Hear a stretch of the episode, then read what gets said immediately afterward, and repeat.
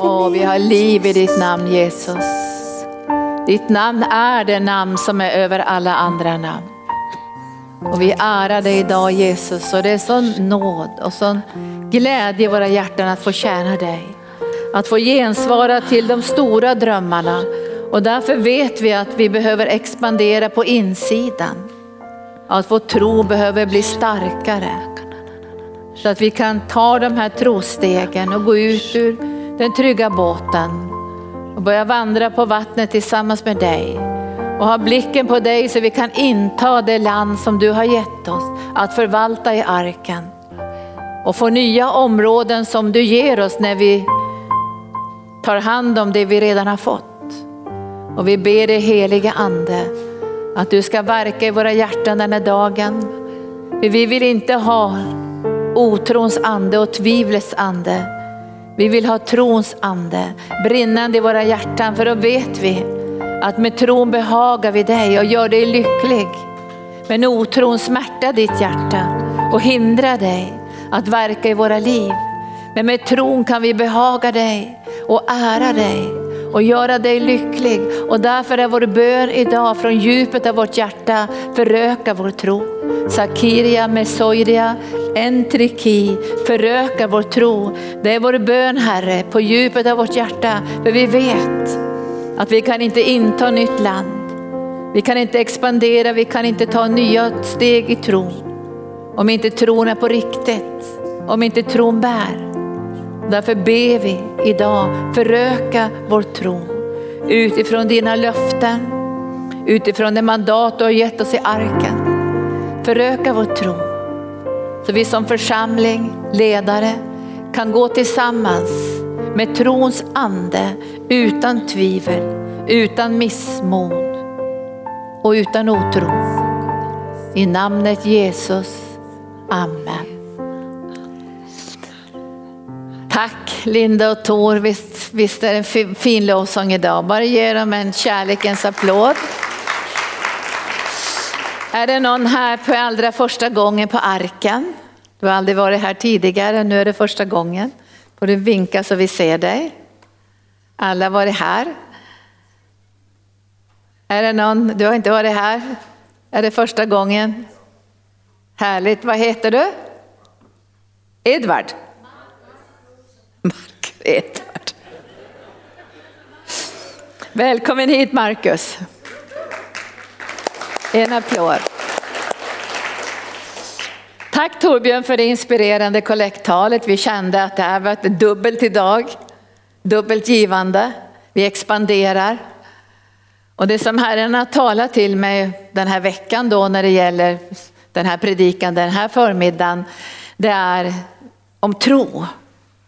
Men också en bön som inte bara kan fylla ledarnas hjärta. Det är en sak att ledarna ber, men alla behöver be. Och den bön som jag känner jag vill bara lägga till församlingens hjärta och till alla er också som ser mig nu, det är bönen föröka vår tro. Föröka vår tro. Alltså den bönen behöver liksom fyllas våra hjärtan för att vi ska få möjlighet att kunna expandera. Vi har ju fått profetorden, profetiska orden, att det ska bli förnyelse, förändring och expansion. Men utan tro blir det ju ingen expansion. Därför vi kan inte ta de här stegen. Och det, man kan inte bara tänka att en gång i livet ska jag stiga ut ur den trygga båten och börja gå på vattnet. Utan tro är ju en livsstil så vi behöver göra den här vandringen varje dag på olika sätt. Kanske inte med dramatiska uppbrott och steg som vi liksom skakar i det innersta. Men Bibeln säger att vi ska leva av tro. Den rättfärdiga ska leva av tro. Så tro är en livsstil. Det, det, det, handlar ju om vår relation med Gud såklart, det som handlar om tro. Vi ska, vi ska säga lite grann om det idag. För det, det, det brinner i mitt hjärta för Herren talar till mig den här veckan att, att otro är någonting farligt också. För det hindrar det som Gud har tänkt genomföra genom oss tillsammans. För tron håller tillbaka Guds möjligheter att verka i vårt liv. Och i, i Markus kapitel 6 så ser vi den här begränsningen som kommer genom otron. Och ingen av oss vill ju ha otro. Vi vill ju ha tro och vi vill ju växa också i tro utifrån Guds löften och utifrån Guds ord. Men i den här, i den här texten i Markus kapitel 6 så ser vi ju att um, tron hindrar Jesu kraft ibland oss. Och jag har tänkt mycket på det här att vi behöver komma in i en tid med under och tecken. Eller vad säger ni? Under och tecken. Och när vi arbetar nu med hälsolövet och vi har ju satt igång kraftfullt liksom, den andliga verksamheten. Att människor ska få komma till Sjöhamra gård som, är, som har psykisk ohälsa, som är trötta, som har utmattningssyndrom, som är deprimerade eller har sjukdomar eller svaghet eller bara behöver en återhämtning. Då måste det vara en mötesplats med Jesus. Där det kan ske under och tecken, där människors liv blir förvandlade. Och då behövs det tro. Både från de som tjänar och de som kommer dit för att ta emot ifrån Gud. Eller hur? Vi bygger ju inte på någon, sån någon ganska allmän värdegrund, det gör ju Socialdemokraterna också. Alla pratar ju så här, och Moderaterna allihopa, människornas lika värde och sådana här saker. Så man kan ha en ganska sån svajig värdegrund, men vår värdegrund är Jesus. Vår värdegrund är försoningens verklighet, där Jesus har vunnit seger över sjukdomar och psykisk ohälsa. Det var ju det vi sjöng om idag, eller hur? Alltså vi sjöng ju om det här. Att han har vunnit seger, himlens älskling har gått till korset och gett sitt liv. Så därför är vår värdegrund fast. Och vår värdegrund är inte bara åsikter, utan vår värdegrund är Jesus själv. Han som har vunnit seger över döden, över mörkret, över synden. Och honom vill vi sammanföra människor med. Eller hur? Och då behöver vi sätta tro till att han ska ha frihet också att få utföra det som han har i sitt hjärta. Och för det behövs det tro. Nu ska, nu ska ni inte tänka idag att nu ska vi pressa fram någon slags tro här. Utan tro är ju, det måste ju vara någonting lätt att leva i tro. I och med att vi är skapade för att leva i tro. Alltså det här är vårt vatten. Man behöver inte säga till en fisk att den ska lära sig att simma. Därför den är i sitt rätta element. Och när du och jag är i vårt rätta element, då är vi trons element. Så det här är övernaturligt naturligt för oss, men vi kan växa i tro för att kunna ta större trosteg. Men här i Nasarets synagoga så, så blir, de, blir de först förundrade. Först uttrycker de tro, men sen uttrycker de otro. Och det står här att Jesus går in i synagogan och det står här att många häpnar i kapitel 6 och, och säger så här, vad har han fått därifrån? Vad är det för visdom han har fått? Och vilka kraftgärningar han gör med sina händer. Så först blir de förstummade, men sen sätter otron sig i rörelse. Och det är samma sak med dig och mig när vi kommer i kontakt med Guds ord. Då blir vi först förundrade, förstummade, inspirerade. Stå upp och var ljus för ditt ljus kommer. Du är mer än övervinnare. Alltså det är sådana fantastiska löftesord som kommer oss till del. Visst är det så att först känner vi, åh halleluja. Men sen kommer någonting annat. När vi tittar på omständigheterna, då händer det någonting annat som gör att den här trons ande sjunker. Och det ska vi sätta stopp för. Eller hur? Det ska vi sätta stopp för. För när vi ser konsekvenserna av det här, för, för det står ju så här att de börjar prata på ett jättekonstigt sätt. Är inte det här snickaren Marias son och bror till Jakob och Joses och Judas och Simon? Bor inte hans systrar också här med oss? Och de tog anstöt av honom. Det hände någonting i deras hjärta hjärtan. Någonting av tvivel växte upp på insidan och det hindrade Jesus att verka ibland dem. Och min bön är att han inte ska hindras här ibland oss. Visst är det din bön också? Han ska ha full frihet. Men här står det då att när de börjar prata så här, då säger Jesus till dem så här, men Jesus sa till dem, en profet föraktas inte ute med sin hemstad, sin släkt och sin egen familj. Han kunde inte göra några kraftgärningar där. Han kunde inte göra några kraftgärningar där. Och min bön den här veckan har varit, han ska ju kunna göra kraftgärningar här. Halleluja! Här ska Gud kunna göra kraftgärningar. Här ska människor som har psykiatriska diagnoser bli helade av Jesus. Här ska människor som har ADHD, bipolär sjukdom, alltså som har liksom psykisk ohälsa, men också fysiska sjukdomar. För det var det vi sjöng idag. Att de ska bli helade och då behövs det kraftgärningar som, som är kraftiga som bryter igenom, som sätter saker på rätt plats. Därför att vi tror att Jesus förmår. Och trons innersta väsen är inte att du och jag pressar någonting, utan trons innersta väsen står i Hebreerbrevet kapitel 11 och 6. Utan tro kan vi inte behaga Gud. Vi behöver tro två saker. Jag citerar där för det kan du ju redan. Vi behöver två, två saker behöver vi tro. Det första måste vi tro att han finns till. Jag hörde i morse slog jag på tvn bara sådär och det var en ganska känd artist som, som berättade om sin biografi. Så sa hon så här, jag har varit gudsförnekare ända sedan jag var barn. Jag har varit gudsförnekare ända sedan jag var barn.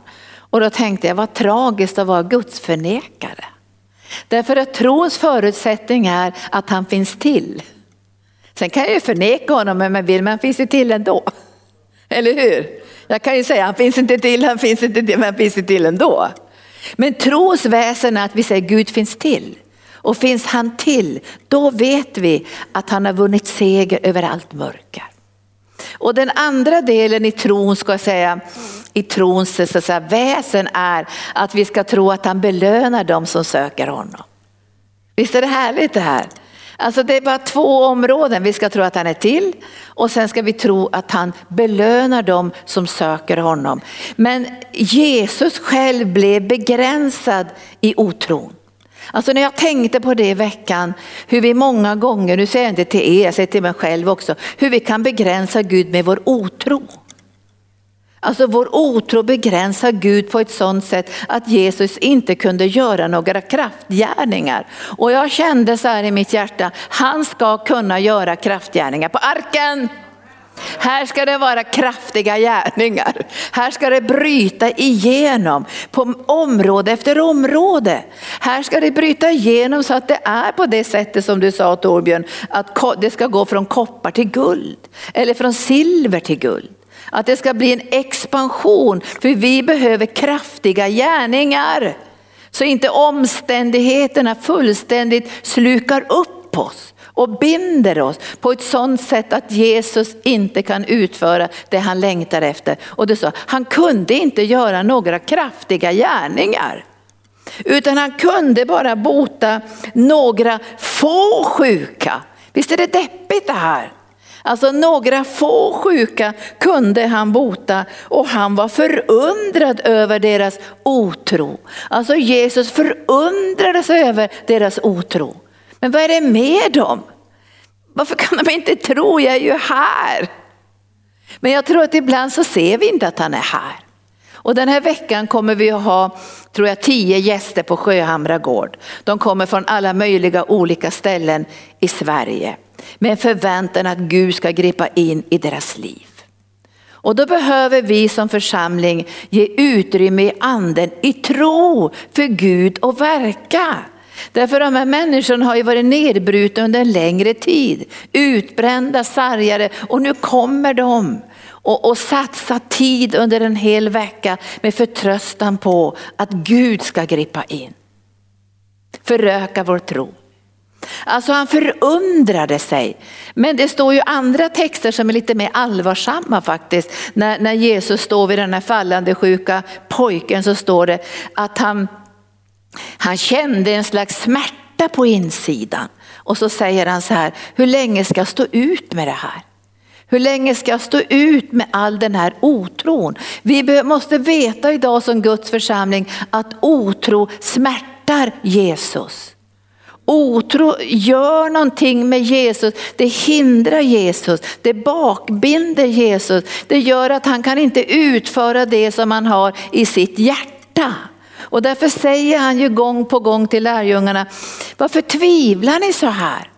Varför är ni så rädda? Har ni ingen tro? Vad är det med er? Kan ni inte ha lite tro? Men jag tror att brist på tro handlar också om brist på uppenbarelse om vem han är och vad han förmår att göra ibland oss. Och därför tror jag att om vi börjar be den här bönen, jag ska be den också och jag har redan börjat be den, föröka vår tro. Så tror jag också att uppenbarelsekunskapen om vem Gud är blir större och vilka löften han har gett oss. För vi ska ju först och främst förvalta det vi har fått från Gud i arken, men vi ska ju expandera. Vi håller på att ta nya steg. Vi har en jättefina elever nu på årskurs tre som håller på att bedja att inta mark i hela kommunen. Hela den här kommunen ska veta, varenda människa i den här kommunen ska veta hur man blir frälst. Det är min bön som pastor. Varenda människa ska veta hur man blir frälst.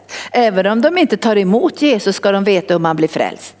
För det kommer en dag när nöd kommer på så de undrar hur blir man frälst och då vet de hur de ska bli frälsta. Så vi ska inta ny mark, eller hur?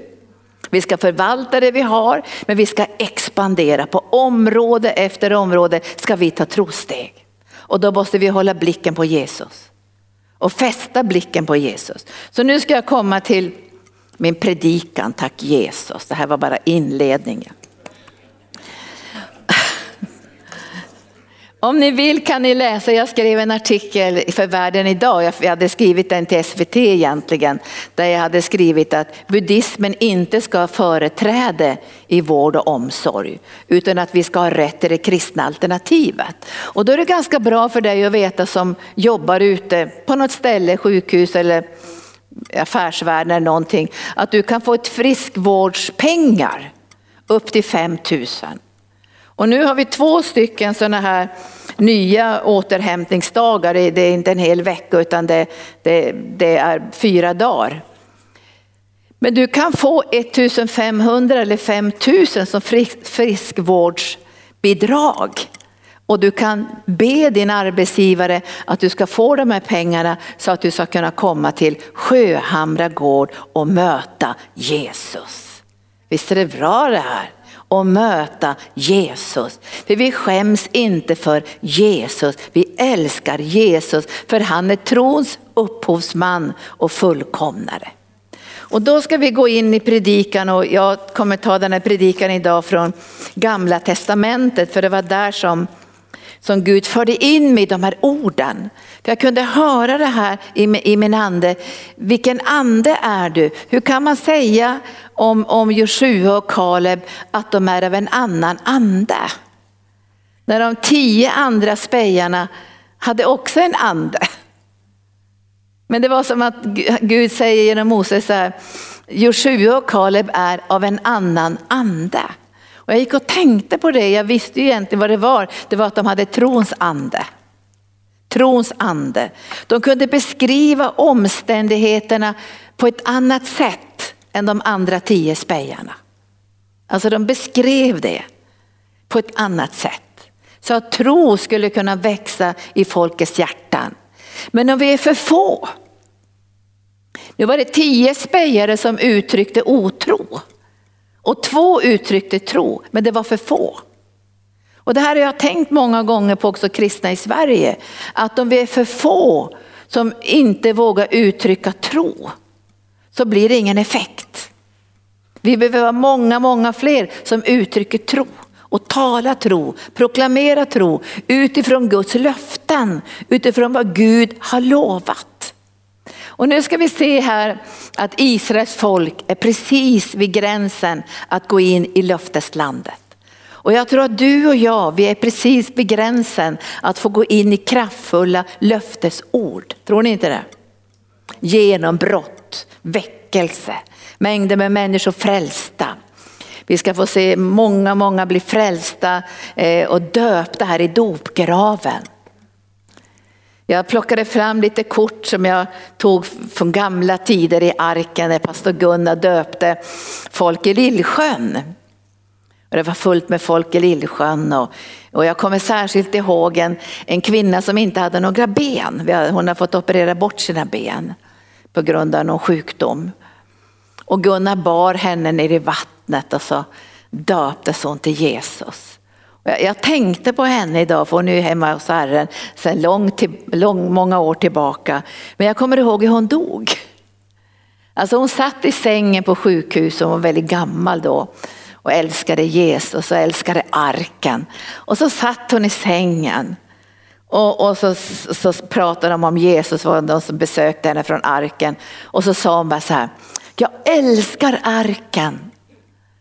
Och så föll hon bakåt och dog och gick hem till Herren.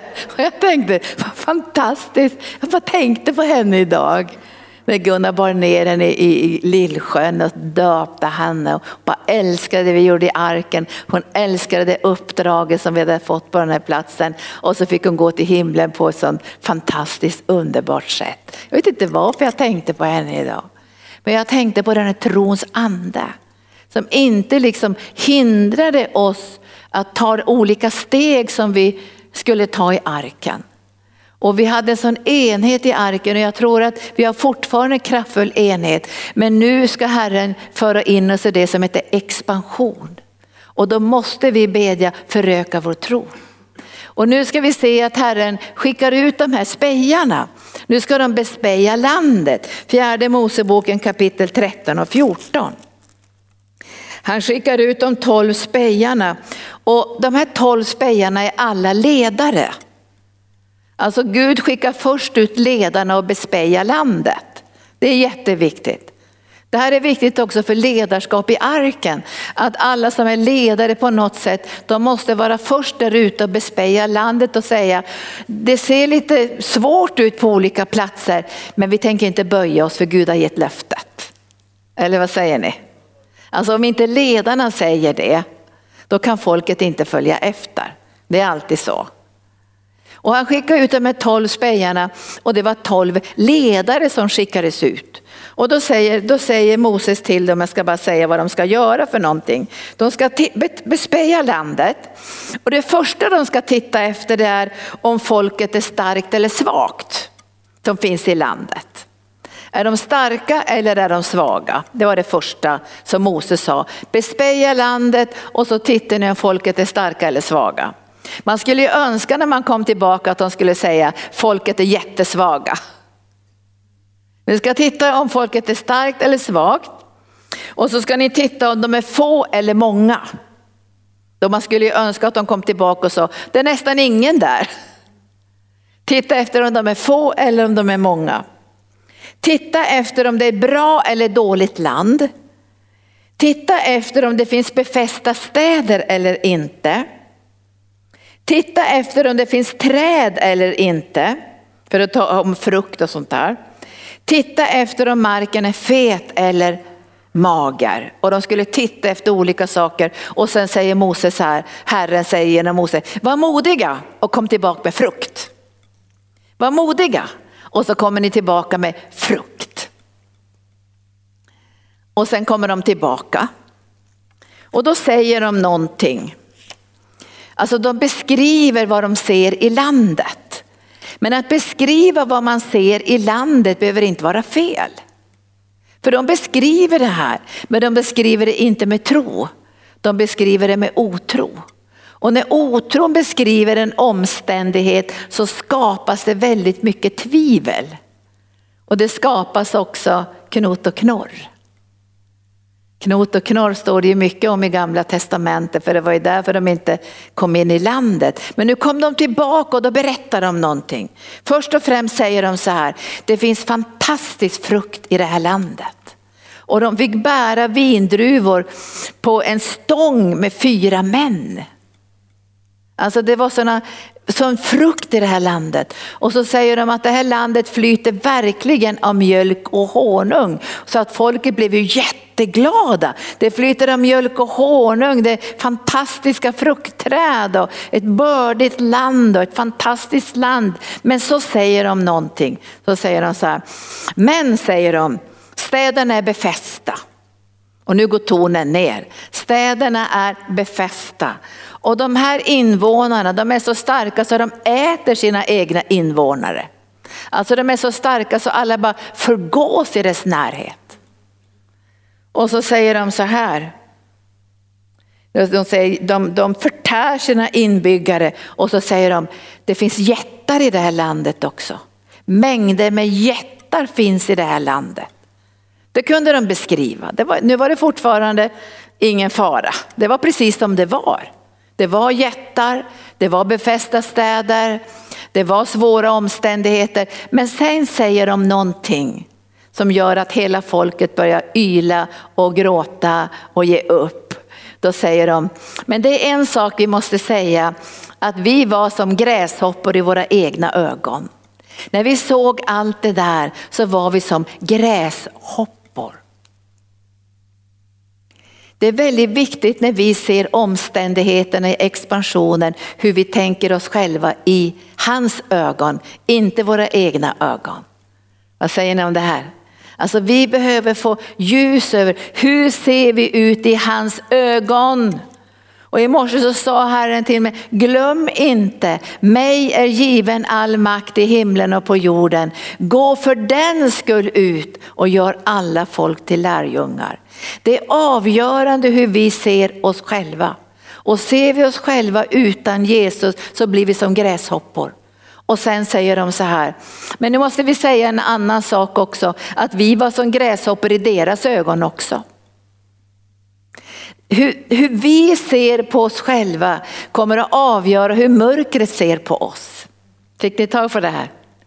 Alltså när de såg på sig själva som gräshoppor så blev konsekvensen att mörkrets makter också började se på Guds folk som gräshoppor. Men det här var ju inte riktigt sant ändå, eller hur? Därför att om folket i det här landet, i löfteslandet, hade sett på spejarna som gräshoppor, då hade de inte kunnat komma tillbaka. Eller hur? Då hade de ju blivit dödade. Så det här var bara lögn och bedrägeri hela tiden från mörkrets makter. Och det här fick ju sen Joshua höra när han kommer in i Jeriko. När folket har fått gå 40 år i förtvivlan så kommer han in i Jeriko och då säger den här kvinnan, första gången för 40 år sedan när vi hörde talas om er, då darrade vi och då bävade vi. För vi visste att Gud hade gett det landet. Det var Gud som hade gett det, här landet och vi var som vatten inför mötet med er. För vi visste att eran Gud var inte bara en Gud i himlen utan också en Gud på jorden. Trons ande. Och det står att Joshua och Kaleb reste sig upp och försökte lugna folket. Därför det blev en sån otrolig rädsla ibland dem. Och då säger Gud så här, varför föraktar ni landet? Har inte jag gjort så mycket under ibland er? Har inte jag visat min härlighet och ändå tvekar och tvivlar ni? Och de fick inte komma in i det här löftet. Och det finns så många löften och vi hörde det idag när Torbjörn delade. Det finns så många löften som Gud vill att vi ska komma in i. Och då måste vi bespeja löftena först. Nu, nu, nu sjöng vi mycket idag om fysisk hälsa. Vi behöver bespeja de här löftena och när vi ser alla omöjligheter får vi inte böja oss inför dem. Eller vad säger ni? När vi bespejar landet, då kommer vi inte bara se, åh det är bara mjölk och honung, halleluja, det är bara en motorväg rakt in i hälsa. Vi kommer att se att det finns omständigheter och svårigheter, diagnoser, mediciner, otrosord och allt möjligt som är befästa städer och jättar som vi inte får låta oss hindras av när vi ska inta de löften som Gud har gett oss. Så i varje varje löfte finns det en befäst stad. Vid varje löfte finns det en omständighet och en svårighet och en jätte. Jag skulle önska att varenda löfte från Gud var en motorväg. Rakt in i löftet, halleluja. Men det verkar som att det finns hinder i de här löftena från mörkrets makter som ska göra att du och jag ger upp i de steg som vi ska ta för att inta löftena. Vi ska inta löfte efter löfte. Ekonomiska löften, löften om, om, om psykisk hälsa, löften om, om att få utvecklas och bli det som Gud har tänkt. Alltså de här löftena behöver vi genom tron inta och då behöver vi ha den här bönen levande i vårt hjärta. Föröka vår tro. Föröka vår tro. Vi vill växa i tro. Och när lärjungarna säger det till Jesus då blir det så jobbigt för dem. Därför Jesus säger till dem, om ni hade bara lite tro som ett senapskorn så skulle ni kunna säga till det här berget att det ska kasta sig i havet. Och när han säger det, jag tror då känner inte de bara fy vad deppigt allting är. Då känner de en ännu större utmaning att vi ska få en starkare genombrottstro en växande tro så att alla Guds löften, så många som de är, och då har vi många, länd, många andliga land att gå in i, att vi ska få del av alla de här löftena och vi behöver som församling be föröka vår tro. Vi kan inte ta trosteg utan tro. Det går inte. Vi kan inte pressa församlingen att ta trosteg utan tro. För då blir det här egna gärningar, då, då kommer det att krackelera då kommer det bara brytas ner och förstöras. Utan vi måste få en äkta bärande genombrottstro. Och tro kommer att du och jag börjar lyssna till Guds ord. Alltså vi lyssnar till vad Gud säger. Och det står ju här i, i, i fjärde Moseboken 13 och 14, den här sorgen över att de inte kunde gå in i landet därför att de beskrev omständigheterna på ett destruktivt sätt istället för att beskriva dem tillsammans med Gud. Och då säger Joshua och Kaleb så här, okej okay, säger de, Visst finns det jättar och visst finns det befästa städer. Men sanningen är att de kommer att bli som en mumsbit för oss. Vi kommer att äta upp dem. Därför deras beskydd har svikit dem. Men med oss är Herren. Och därför behöver vi veta när vi tar de här trostegen, med oss är Herren. Därför expansion kan inte ske utan tro. Det kan inte ske med övertalning, vi kan inte pressa fram någonting, vi kan inte, vi kan inte liksom jaga fram någon slags tro. Tro måste komma genom att vi ser på Jesus som är trons hövding och fullkomnare med en längtan i våra hjärtan. Jag vill behaga Gud. Och jag, jag känner så här att jag vill verkligen behaga Gud. Och jag vet det enda sätt som jag kan behaga Gud är genom min tro. För den rättfärdiga ska leva i tro. Och nu, nu är det inte tron på det sättet att det inte finns några omständigheter. När jag tittar på och skrev den här artikeln att buddhismen har företräde i vården så har buddhismen företräde i, i skolan också. Buddhismen har företräde överallt, det är så stora jättar. Men jag vet också att om vi tror på Gud så kan en enda sten fälla en jätte. Ett enda ord av tro kan fälla en jätte. Och när David springer emot Goliat så säger inte han, nu kommer jag här i min, i, i, min duktiga här och han säger så här, jag kommer emot dig i Herren Sebots namn. Du, du står här och hädar och skriker mot Herren, men jag kommer emot dig. För han säger så här, kommer du emot mig med käppar, vem är du som tror att jag är en hund? Säger Goliat. Alltså, jag kommer emot dig i Herren Sebots namn. Och sen tar han en sten, ett löftesord och så träffar det Goliat rakt i huvudet. Så vi kan beskriva omständigheterna i tro eller med otro. För att inta löftena är inte en motorväg som är krattad, manér som är krattad. Utan det, det, är alltid saker som kommer att finnas där som kräver tro för att du och jag ska kunna inta det som Gud har gett oss. Och därför är tron, jag säger, det är Guds gåva att du och jag kan få tro. Och vi kan behaga Gud med tron. Genom att vi ser vem han är, vad han har lovat, vad han har gjort och låter den heliga ande verka i våra liv. Och nu, nu, ska, nu ska jag till sist ta fram det här bibelstället i, i Hebreerbrevet där det står vem Jesus är. Du vet Jesus, han levde i tro.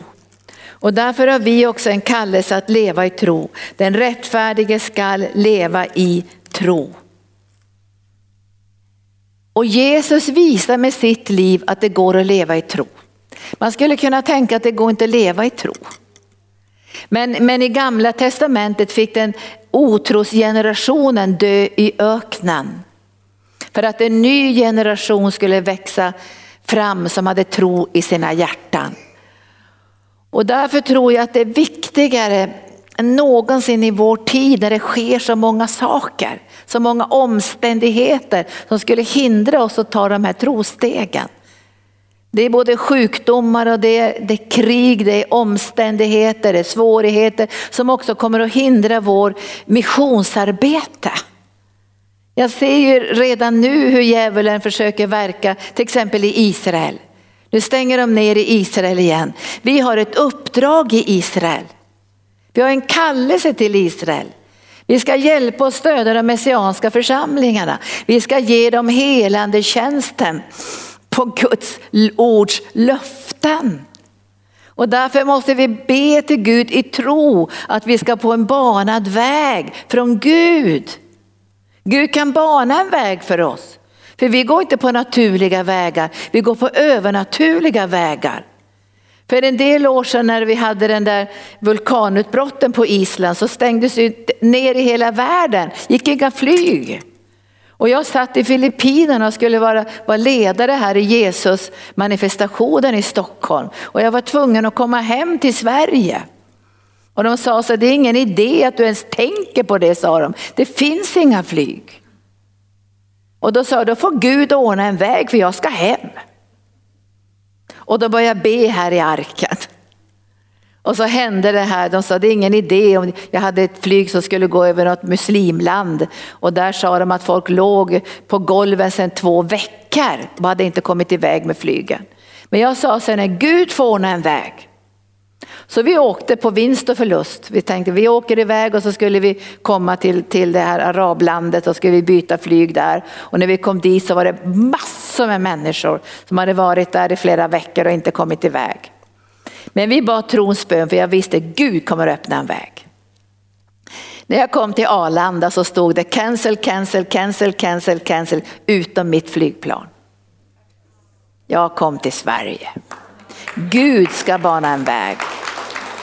Gud ska bana en väg. Om vi inte har tro så kan Gud inte bana en väg heller för oss. För vi tänker inte låta till exempel corona hindra hela vår verksamhet. Eller vad säger ni? Och vi behöver tillsammans tro, nu måste vi ha två gudstjänster varje söndag. Vi kommer att ha det så länge tills vi får 500 och då kommer vi att öppna där, den läktaren och ta bort det svarta skynket. Så vi hoppas att vi ska få en förändring för 500 i oktober. Men annars så går vi på två gudstjänster och så ber vi att Gud ska bana en väg. Ungdomarna hade ju bokat in sig till Filippinerna redan. Vi var redan färdiga att resa när det stängdes ner. Ska vi låta hela vårt missionsarbete hindras av en, en virus? Vad säger ni? Vi kan inte göra det. Vi måste bana en väg i ödemarken, bryta mark för vår Gud är starkare än alla de här omständigheterna. Jag bara ber i min ande att vi ska få trons ande. Inte dumdristighetens ande, inte knäpp i huvudet ande, inte skogstokig anden, inte, inte liksom vi struntar i allt anden, vi kastar oss ut över branten anden. Det är inte det jag pratar om, utan jag en äkta tro. En stark äkta tro så du och jag tillsammans med Jesus kan förflytta berg. Så vi kan förändra i vård och omsorg. Så vi kan få ut evangelium, inte bara med en allmän värdegrund utan om honom som är värdegrunden. Jesus Kristus, konungarnas konung och herrarnas herre. Och han visar med sitt liv att det går att leva i tro. Jag stannar här för att det går att leva i tro. Och Jesus han levde inte att han presterade varje dag så han fick svimningsanfall. Utan han levde som en trygg andlig kärleksrelation med Gud och visar prov på en övernaturlig naturligt sätt att leva. Och då står det i Hebreerbrevet kapitel 12, så står det så här, låt oss ha blicken, andra versen, låt oss ha blicken fäst vid Jesus.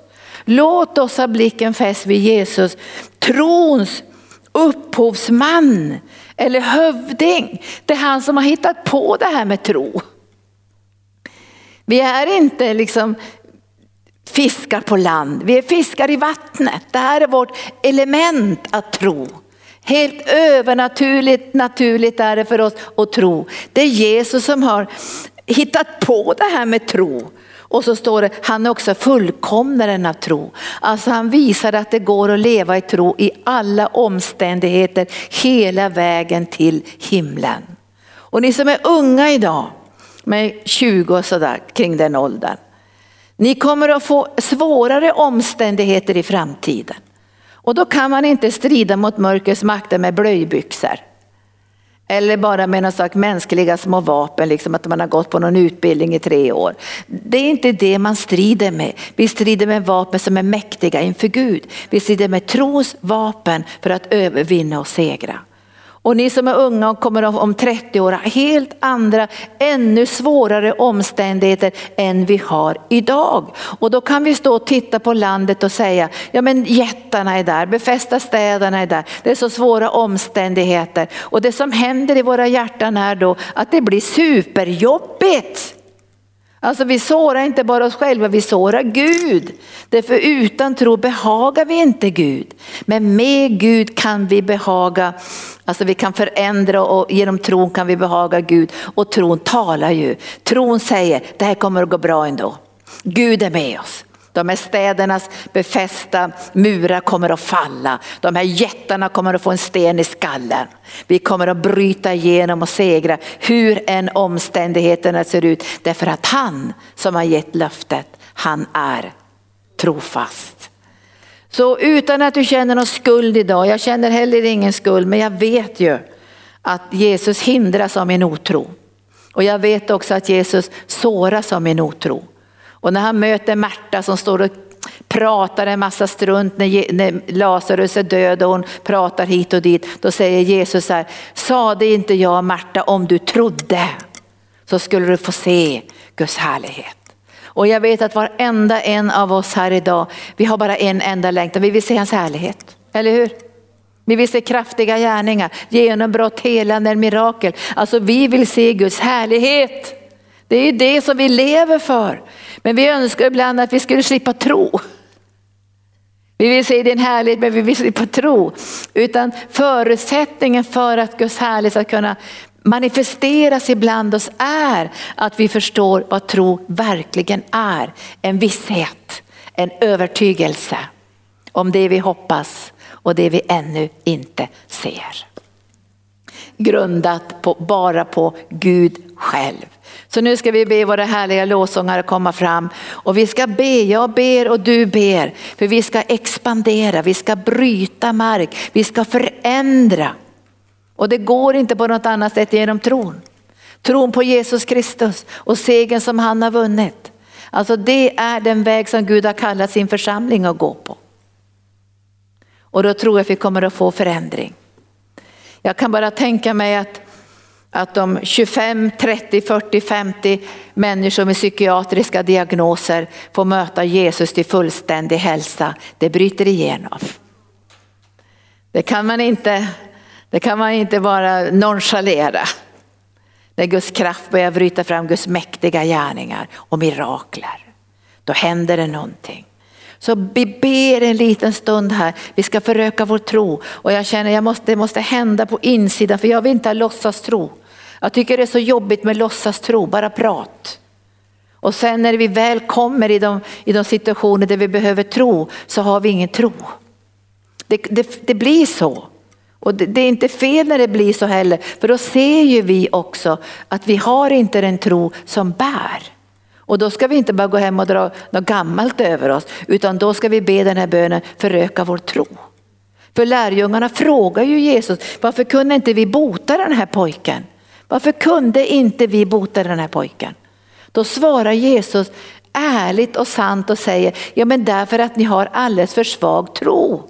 Därför går inte det här. Det här är inte en förkastelsedom över lärjungarna utan ni kan ju läsa sen i apostlagärningarna då de har en bärande kraftfull tro där de säger till den här lama mannen bland annat Res dig upp, det vi har det ger vi dig.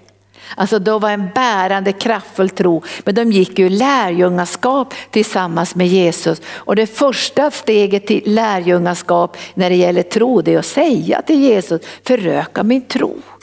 Jag märker att det bryter inte igenom. Alltså här i Kungsängen ska det bryta igenom vänner. Det ska bryta igenom. Det ska bryta igenom så kraftfullt att det ska, det ska skina i den här kommunen så att alla ska veta vem Jesus är och hur man blir frälst. De ska veta att det finns frid och vila och läkedom hos Jesus. Varenda en ska veta det. Och det här kan inte ske utan tron. Alltså tron säger någonting. Vi ska nå ut med budskapet om Jesus för det allra bästa, underbaraste budskapet som finns. Så bönen är föröka min tro.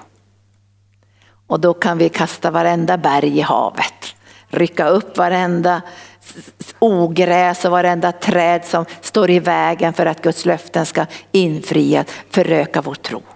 Och nu när Gud förökar din tro så, så ska du inte som kasta dig ut för berget eller sådana där saker som djävulen försökte göra. Utan vi ska ha en levande, stark tro som är grundad på rätt ställe. Utan liksom överdrifter och knäppheter. Men en levande tro som gör att vi kan gå ut ur de här trygga omständigheterna. Precis som Petrus gjorde, tog sina första steg på vattnet och det bar med blicken på Jesus. För vi har ju fått profetorden expansion och det börjar här inne genom tron. Så vi ska sjunga nu och jag har bett Gud om förlåtelse för otro. Jag känner att otro är, det, det är liksom, det är, ja det står allt som inte sker av tro är synd.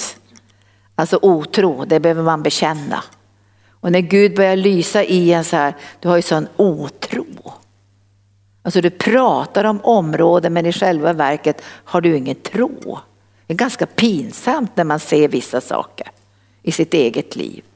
Och istället då för att man ska gå omkring och vara deppad så får man be som vi hörde här Torbjörn säga att om vi brister så kan vi be till Gud och han ger utan hårda ord. Men den här församlingen ska inte vara en församling som bara pratar.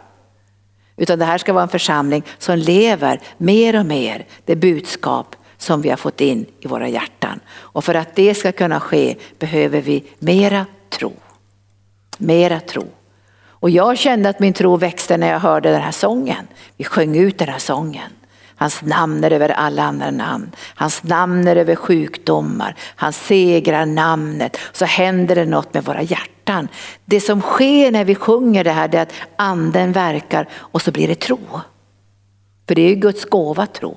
Men vi märker att det blir tro. Och Joshua och Kaleb är av en annan ande. Och jag har känt så här, gode Gud, tänk om det hade varit tio av de här spejarna som hade sagt de här sakerna. Nej, men vi går in i landet, vi har tro på Jesus, vi har tro på Gud. Men det var tio som tvekade så det blev för svag röst. Så det negativa tog över.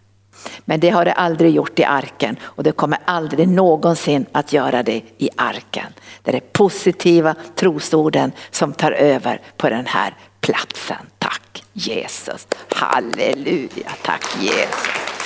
Halleluja. Så nu ska vi sjunga och vi låter den här bönen fylla våra hjärtan. Du kanske, jag ber ju mest för arken men det får ju också vara kanske för mitt eget liv och för ditt eget liv att du behöver växa i tro på ett eget område. Men jag ber ju alltid i princip 90 procent ber för arken och för löftesorden som Gud har gett oss. Att vi ska kunna få se det som Gud har lovat. Att vi ska få det här glädjen över att det här landet som Gud har gett oss, det är vårt oavsett vilka jättar som är där. Oavsett vilka omständigheter som är där så är det vårt. Och vi ska bryta igenom på område efter område. Och nu vill jag be för dig som ännu inte är frälst först. Om du ännu inte tagit emot Jesus som frälsare så finns möjligheten just nu att ta emot Jesus som frälsare. Då säger, ber du bara med mig och säger Jesus kom in i mitt hjärta. Kom in i mitt hjärta. Föd mig på nytt. Flytta in i mitt hjärta Jesus. Och bli Herre i mitt liv. Och fyll mig med den heliga Ande. Nu är jag ditt barn. Och jag ska leva med dig nu från och med idag in i evigheten. I Jesu namn. Amen.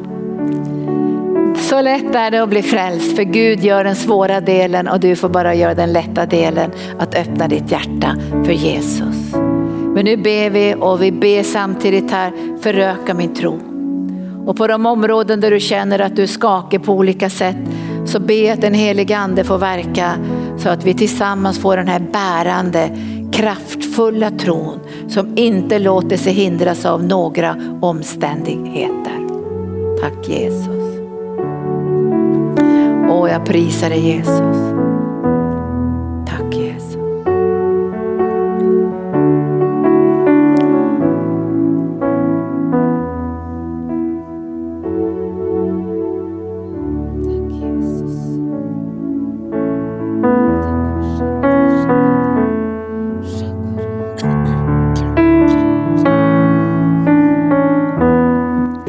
Vi ber dig nu att du bryter otrons bojor. Finns det otrons bojor i våra liv? Finns det fruktan och otro i våra liv så ber vi att du heliga ande bara rensar undan det för vi vill inte ha någon otro i våra liv. Vi vill växa i tro från tro till tro, från härlighet till härlighet och från kraft till kraft. Och vi ber att du rensar undan alla farhågor och rädslor när vi ser på omständigheterna i löfteslandet. När vi ser att där finns det jättar, där finns det befästa städer, där finns det omständigheter som vill hindra det här genombrottet. Men vi ber att vi ska få örnperspektivet så vi kan se genom dina ögon, så vi kan se att vi är mer än övervinnare och du som bor i oss är större än den som bor i världen.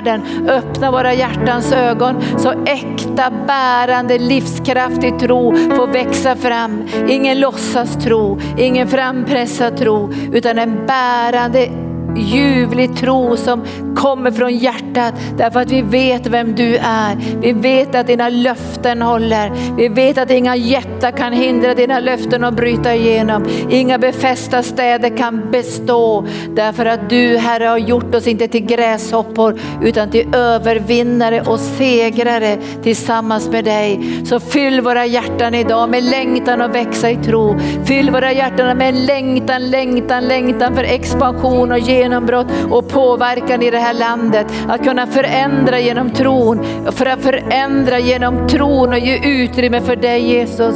Så du kan göra mirakler, så du kan hela människor. Och jag ber dig helige Ande om ännu starkare tro på helandes område för psykisk hälsa och fysisk hälsa och befrielse från onda andar. Ge oss en starkare tro Jesus så människor kan bli hjälpta på riktigt. Vi vill inte hindra dig som i Nasarets synagoga.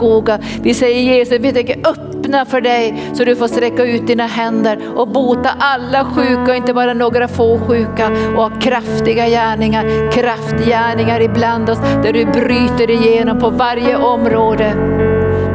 Både ekonomi och hälsa och, och, familj och allting ska du bryta igenom och djävulen ska böja sina knän. Han ska böja sig för det namn som är över alla andra namn. I Jesu namn, i Jesu namn, i Jesu namn.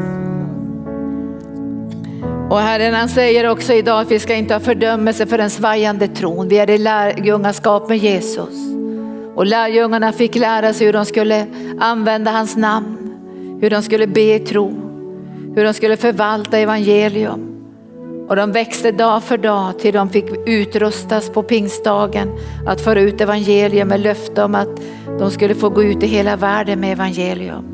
Och vi ber dig här att du rensar oss idag från all otro.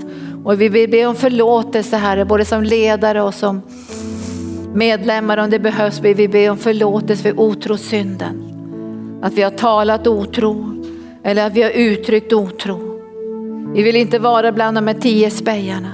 Vi vill vara bland de här två Joshua och Kaleb som har en trons ande som talar genom deras liv. Vi ber om rening i blodet om vi har, vår tunga har slipprat och vi har talat otro och omöjligheter. Så ber vi Herre att du renar oss i blodet just nu. Be att Gud renar dig i blod. Har du talat otro och omöjligheter? Så bara be om rening i blodet. Så trons ande för Paulus säger, jag tror därför talar jag också. Jag tror men jag talar tro. I alla omständigheter talar jag tro. Jag kan vara bedrövad men alltid glad. Jag kan bli slagen till marken men jag är aldrig utslagen. Jag kan känna mig i, i, tryckt men jag är aldrig instängd. Jag kan känna tryck men jag är aldrig instängd. Därför Gud är med mig och jag är mer än en övervinnare. Så vi ber dig Herre bara rensa undan från våra läppar att vi inte ska tala otro stärka otro. Utan vi ber att vi ska få trons ande på ett sunt och vackert ljuvligt sätt som väcker väcker en sån förundran över vem du är Jesus och den seger som du har vunnit på Golgata kors. Kom nu helige ande och så rensar du oss. Bara rensa oss för nu går vi in i en ny tid. Vi går in i en tid av expansion där vi går från silver till guld, från koppar till silver. Där vi går från sten till järn där vi går från härlighet till härlighet och vår tro den växer. För vi ser rakt in i ditt hjärta, du kommer aldrig att svika ditt folk. Du tog ditt folk ut ur Egypten. Du gav dem övernaturlig manna, vatten som rann ur klippan. Du gav dem beskydd genom eld och genom molnstod och du var med dem. Och du förlät ditt folk som tvivlade så i otro fast de har sett dina under.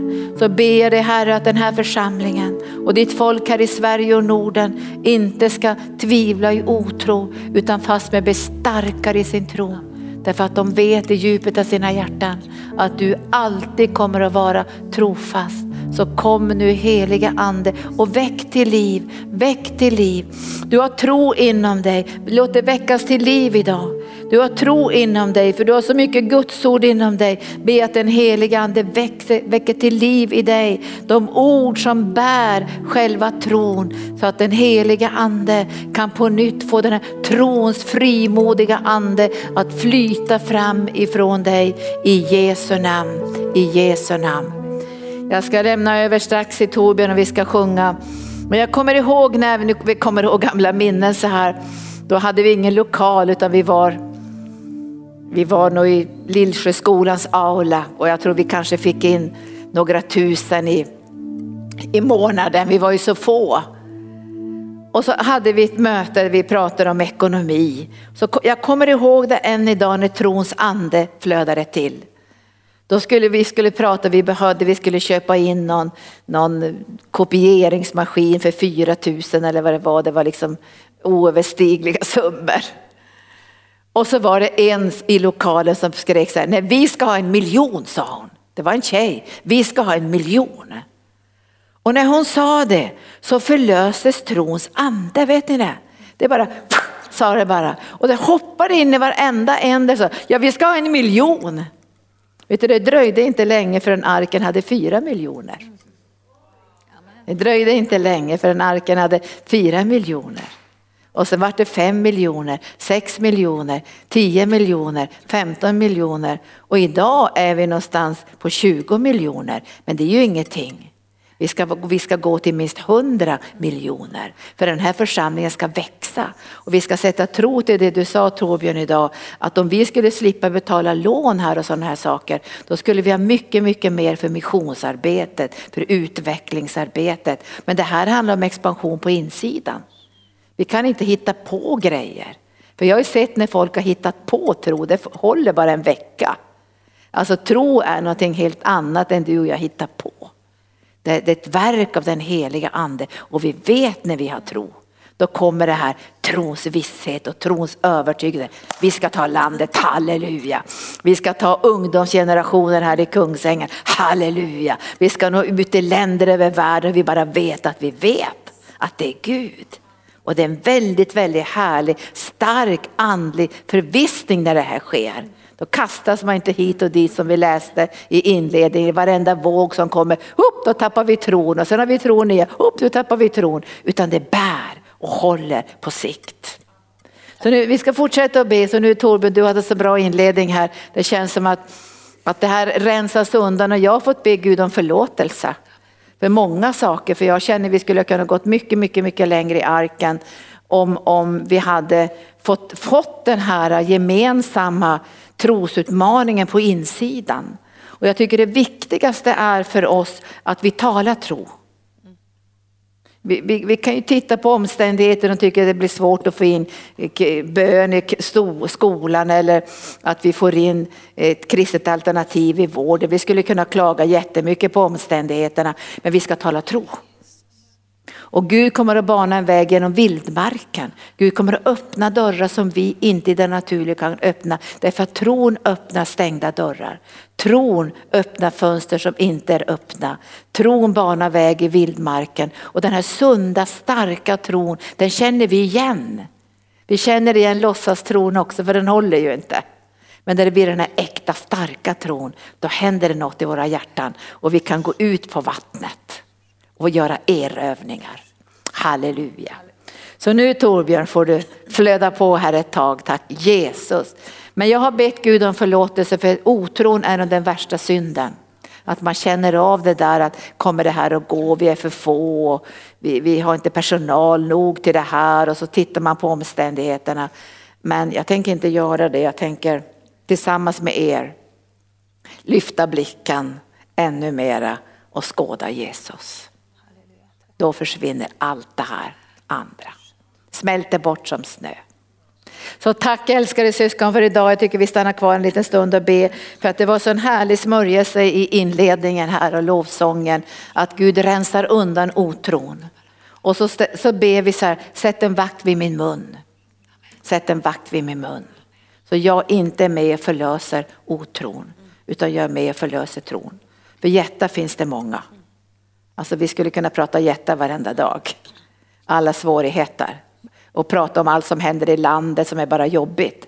Men vi ska lyfta blicken och se vad har Jesus på gång? Vad håller han på med? Då kopplar vi ihop med honom. Expansion. Eller vad säger du Daniel? Ska vi nå ut i den här kommunen med evangelium? Inte till 20 bara. Allihop, tack Jesus. Halleluja. Varsågod Torbjörn. Tack Jesus. Halleluja.